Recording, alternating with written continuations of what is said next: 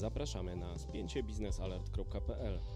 Energetyka to dziedzina, w której nie brakuje spięć. Spięcie biznesalert.pl to program publicystyczny przygotowany przez naszą redakcję. To fuzja najważniejszych faktów i różnorodnych opinii na tematy istotne z punktu widzenia sektora energetycznego. Energia elektryczna i gaz, atom i OZE wszystkie te zagadnienia mieszamy niczym miks energetyczny dogłębnie i z komentarzem na koniec każdego tygodnia. Dzień dobry, szanowni państwo. Wita Wojciech Jakubik. Po drugiej stronie jest Mariusz Marszałkowski. Dzień dobry. I reprezentujemy redakcję biznesalert.pl w dzisiejszym kolejnym już spięciu biznesalert.pl. Przyjrzymy się ciekawemu zagadnieniu, któremu warto poświęcić kilka minut.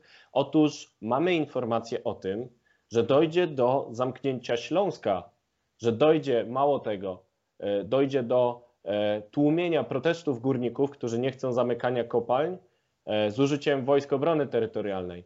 Możemy też przeczytać o tym, że jeżeli dojdzie do protestów w Warszawie, to dlatego, że wszystkie kopalnie, które teraz będą zamknięte przez pandemię koronawirusa, mają zostać objęte tajnym planem likwidacji, który zaraz będzie realizowany. No i te głodne kawałki powodują, że niektóre środowiska zapraszają górników do Warszawy na weekend, na konkretnie sobotę 16 maja. Górnicy są zaproszeni do Warszawy, aby bronić swych praw wobec planu, tajnego planu likwidacji górnictwa. Mariusz, co właściwie się dzieje?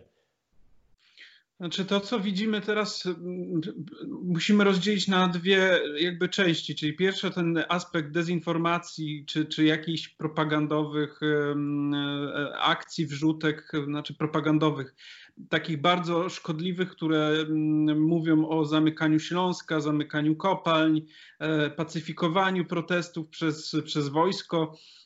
To jest jakby jeden wymiar, a drugi wymiar to jest no, bardzo takie niefrasobliwe i niebezpieczne podejście do kwestii pandemii, no bo trzeba pamiętać, że ciągle jesteśmy na tym, w tym momencie, w którym mamy po kilkaset zachorowań dziennie nowych na koronawirusa. Duża część na Śląsku właśnie.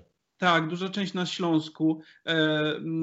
Rząd wprowadził bardzo rygorystyczne obostrzenia, które powoli są już znoszone. Ludzie generalnie się do nich stosowali, czy dalej stosują, nosząc maseczki, trzymając dystans społeczny, używając środków dezynfekujących na co dzień.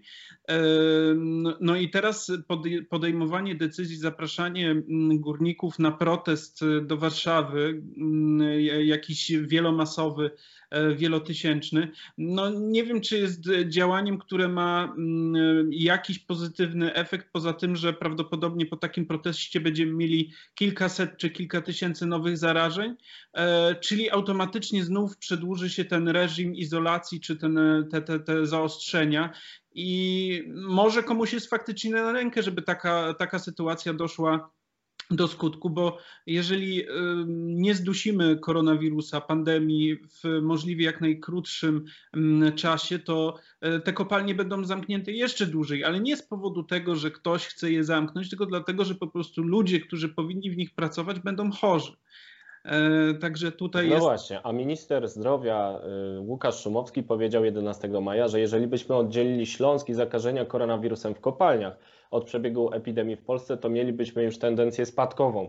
A zatem to, co mówisz, to fakt. To nie są nasze opinie, tylko rzeczywiście fakty wynikające z obliczeń Ministerstwa Zdrowia oficjalnych, a z kolei te wieści o zamykaniu Śląska, o wojskach obrony terytorialnej, które będą pałować górników, to też są pewne opinie. To już są opinie, które zostały opublikowane na bardzo popularnej grupie facebookowej. Ona się nazywa Brać Górnicza. Właśnie ta Brać Górnicza zaprasza w sobotę do Warszawy, stwarzając to zagrożenie rozprzestrzeniania się pandemii. I możemy tam przeczytać: Panowie i panie, teraz jest ostatni moment, kiedy możemy pokazać swoje niezadowolenie. Niebawem większość górników wraz z rodzinami wyląduje na kwarantannach. 14 dni zamknięciu, które może być przedłużane po miesiącu czy dwóch. Nie będziemy już mieli po co wracać na kopalnię. Plan likwidacji górnictwa będzie domknięty. Czytamy dalej, że jeśli damy się zamknąć na Śląsku, to przyślą do pilnowania nas oddziały WOT-u, ściągnięte z końca Polski. Oddziały policji też sprowadzą. nie możemy siedzieć na miejscu. Trzeba jechać na Warszawę, póki jeszcze możemy przekroczyć granicę Śląska. No i e, z tego, co Ty powiedziałeś wcześniej, z tego, co tutaj przeczytaliśmy, można wywnioskować, że mamy do czynienia z pewną akcją dezinformacyjną, podobną na przykład do e, informacji o chmurze, chmurze radioaktywnej z Ukrainy, czy też pożarze e, w reaktorze Maria w Polsce, w Świerku, e, który miałby doprowadzić do skażenia radioaktywnego, albo innych informacji tego typu, gdy ktoś chce wykorzystać informacje o energetyce do tego, żeby siać panikę. No i teraz trzeba się zastanowić, czy te informacje wynikają, e, czy te opinie wynikają z niedoinformowania autorów komentarza na tej braci górniczej, czy jest to coś więcej? Czy to może faktycznie jakoś zagrozić stabilności Polski. Właśnie wykorzystywanie różnych fake newsów. E, mam wrażenie, że od początku 2020 roku e, mamy bardzo duże natężenie właśnie mm, wrzucania bardzo e, takich histerycznych, dramatycznych informacji do obiegu publicznego, do przestrzeni publicznej.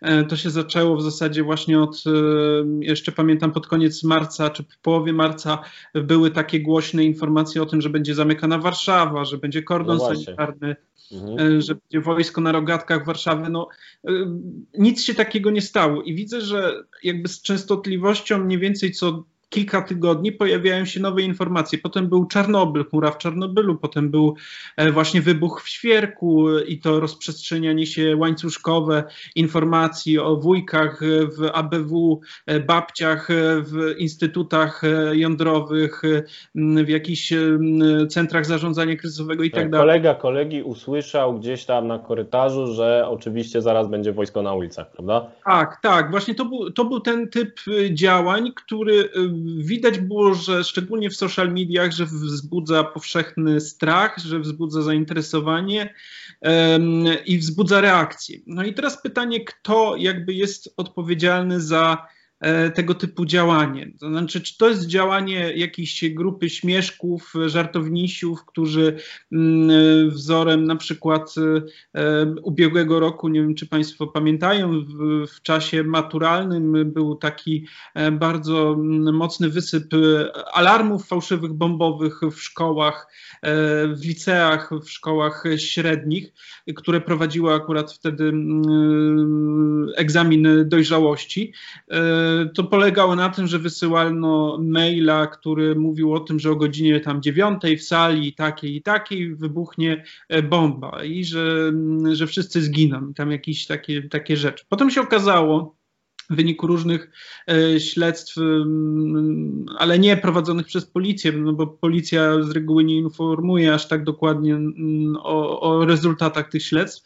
Natomiast e, w śledztwach prowadzonych przez grupy takie, które zajmują się bezpieczeństwem w sieci, wyszło, że to był efekt działania takiej grupy w internecie, nie będę przywoływał, nie będę przywoływał jej nazwy, która po prostu tam zwoływała się i tworzyła różne e, fejkowe, fałszywe konta mailowe, wysyłała E, miała specjalną zrobioną rozpiskę z adresami mailowymi do różnych szkół, po to, żeby po prostu zrobić zamieszanie, żeby wzbudzić no, jakiś strach. Dla tej grupy ludzi, która działa gdzieś w anonimowej sieci tego darknetu, czyli tego głębokiego internetu, do którego zwykły e, śmiertelnik nie ma dostępu, bo po prostu nie potrzebuje mieć dostępu do takiego czegoś. No oni tam po prostu sieją z, chyba z nudów, czy no nie wiem, mam wrażenie, mam nadzieję, że to jest tylko nuda i jak znajdą pracę, nie wiem, jakieś twórcze zajęcie, to im skończy, skończą wpadać pomysły takie do głowy.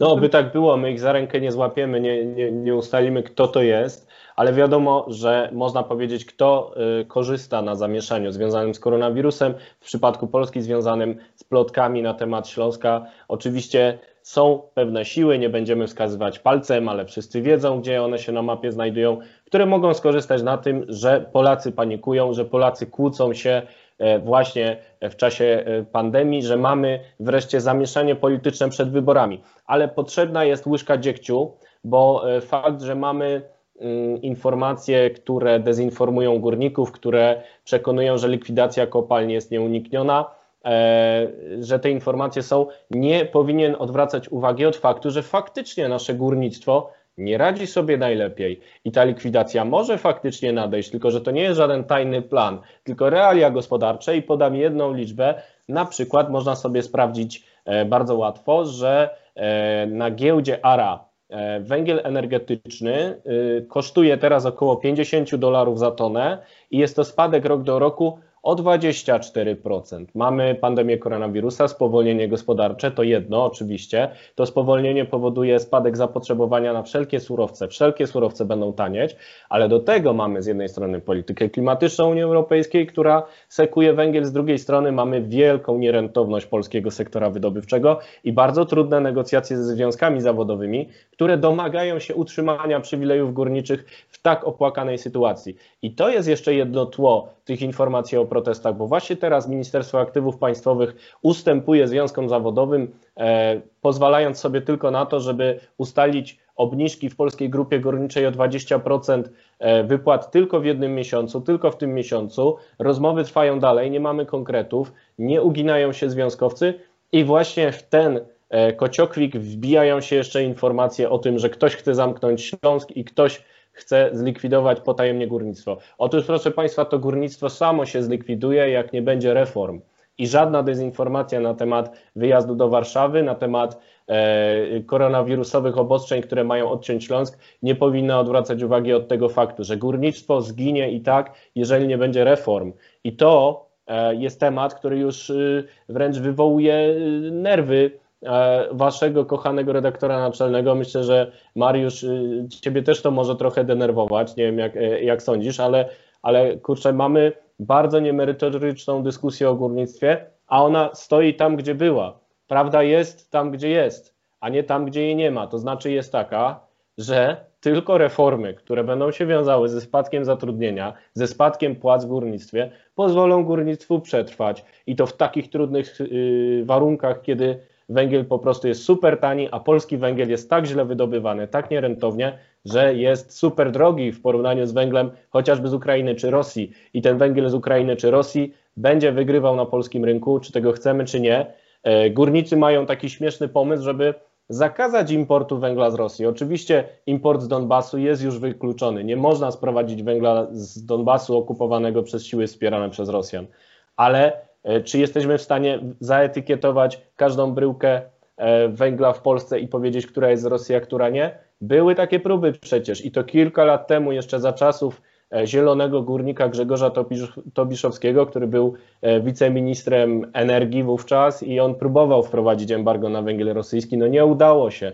Trudno wprowadzić takie przepisy w Unii Europejskiej. Dlatego nie szukajmy nie wiadomo gdzie, nie szukajmy jakiejś dezinformacji, która odwróci uwagę od prawdziwych problemów górnictwa. Prawda jest tam, gdzie jest, reformy trzeba w końcu zrobić i pandemia rzeczywiście może być okazją do tego, żeby coś zrobić, bo faktycznie część kopalni nie pracuje, można przystąpić do działań restrukturyzacyjnych, oczywiście nie do jakiegoś planu likwidacji wszystkich kopalń, tylko urentownienia. I tutaj jest potrzebna rzeczowa, merytoryczna i jak najbardziej przejrzysta dyskusja, aby e, dezinformacja z zewnątrz jej nie zakłócała.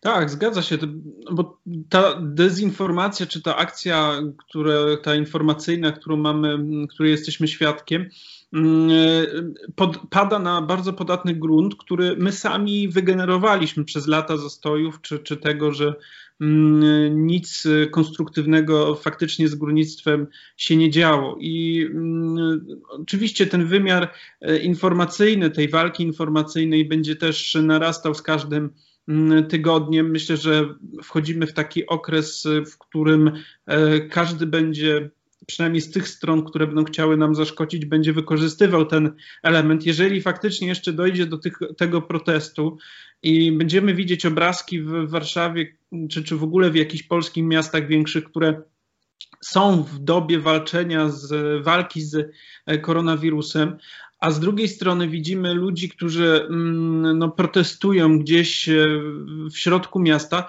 no powiem szczerze, to mi będzie się tylko przypominał taki obrazek e, z jakichś pól gazowych e, na Syberii, o których mówiliśmy parę tygodni temu, gdzie tam ludzie faktycznie protestowali, ale protestowali dlatego, że ich warunki bytowe, dlatego, że dostawali karmę dla pasze dla, dla zwierząt jako jedzenie, dlatego że siedzieli bez rotacji kilka miesięcy, nie mieli gdzie spać i tak dalej. No to były faktycznie Mm, nazwijmy to walka o egzystencję jako, jako, jako człowieka, tak? No, w przypadku wyjazdu, jeżeli górnicy będą mogli wyjechać do Warszawy, no to oznacza, że nie jest aż tak źle, skoro będą mogli kilka e, dni spędzić w e, innym mieście i jeszcze narażać swoje życie na, w, w, takim, w takim celu pod względem e, związanym z epidemią.